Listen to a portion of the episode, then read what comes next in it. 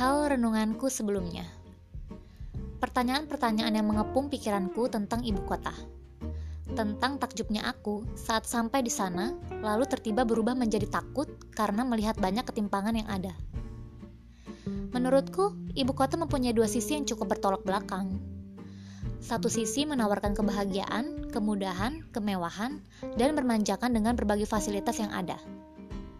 Dan satu sisi lainnya ialah hidup yang keras, serta kamu dituntut harus tahan banting.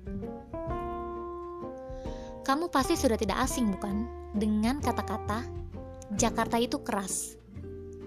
Namun, ada beberapa juga yang menyuarakan Jakarta yang keras atau kamu yang lemah. Dan kini, ku akan menanyakan satu hal. Kamu akan menyuarakan yang mana dari kedua pernyataan tersebut?